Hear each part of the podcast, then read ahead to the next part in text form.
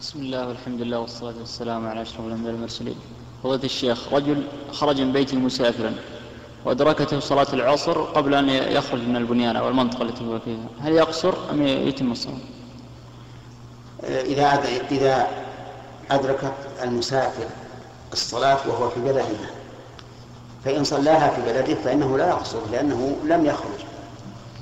وإن خرج وفي أثناء الطريق صلاها فإنه يصليها ركعتين. وإن كان قد أذن وأنت في البلد. لأن العبرة بفعل الصلاة. كما أنه لو دخل عليك الوقت وأنت في السفر ووصلت إلى البلد قبل أن تصلي فإنك تصليها كم؟ دخل عليك وقت الصلاة وأنت في السفر في الطريق ثم وصلت إلى بلدك. تصليها أربعا أو ركعتين؟